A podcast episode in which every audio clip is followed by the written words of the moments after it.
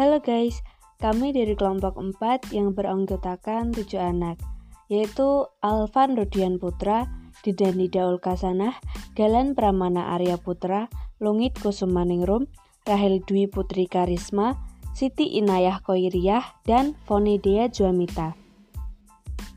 Dalam podcast kali ini, kita akan membahas tentang materi kelas 10 mata pelajaran sejarah Indonesia bab 1, yaitu menelusuri peradaban awal di Kepulauan Indonesia. Dalam bab ini ada 8 subbab yang akan kita bahas satu persatu.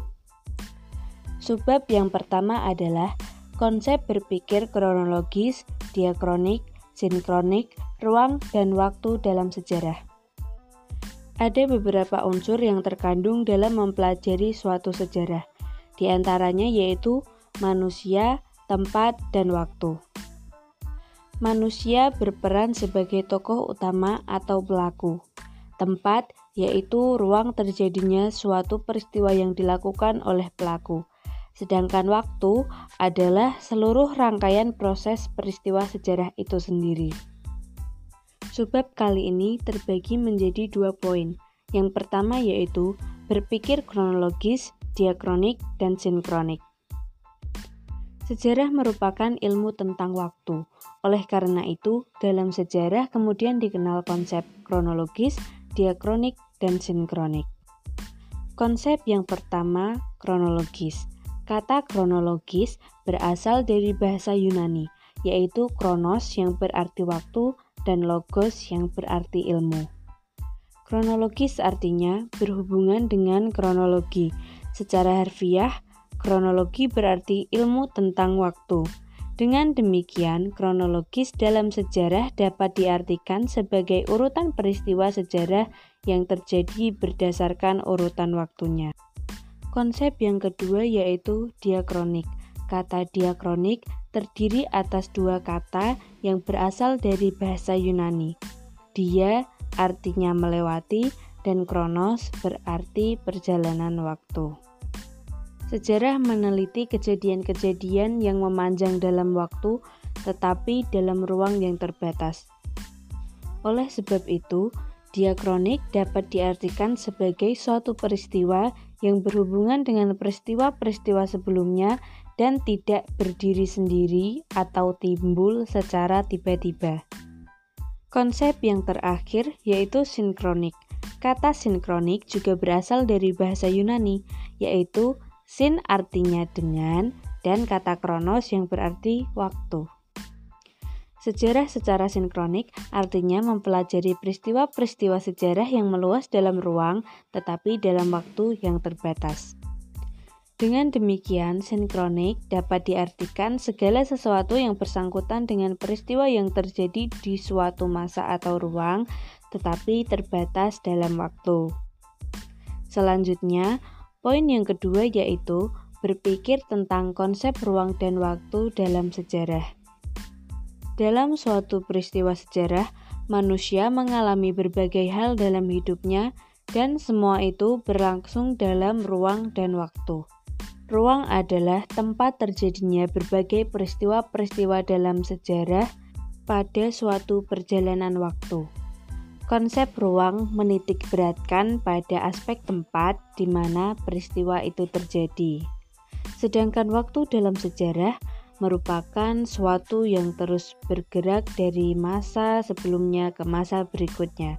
Konsep waktu menitik beratkan pada aspek kapan peristiwa itu terjadi.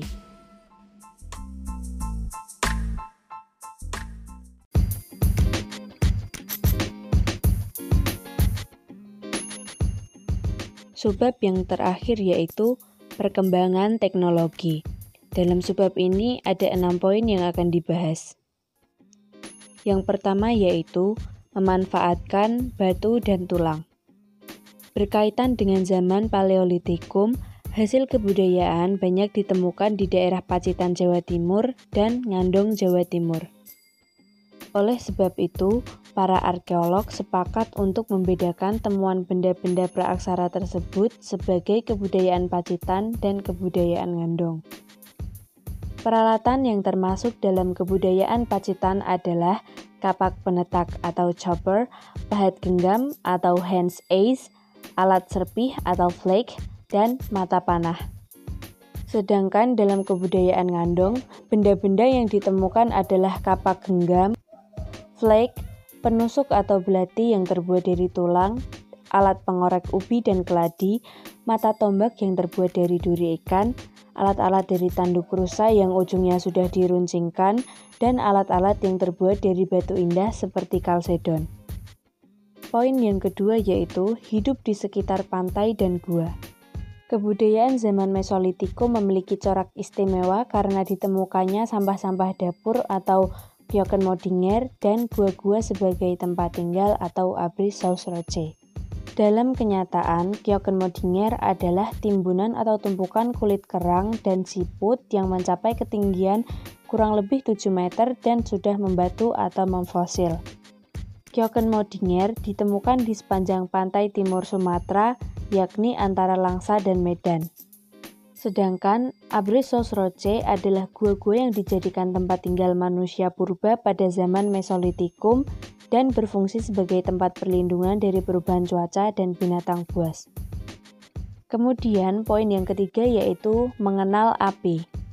Berdasarkan data arkeologi, penemuan api telah terjadi sejak 400.000 tahun yang lalu pada periode manusia Homo erectus.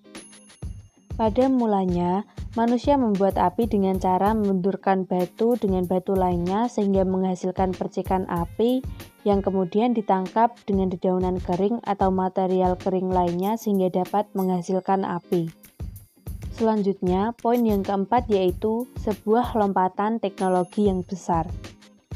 Lompatan atau pencapaian besar yang terjadi di zaman praaksara adalah perubahan dalam pola hidup manusia purba.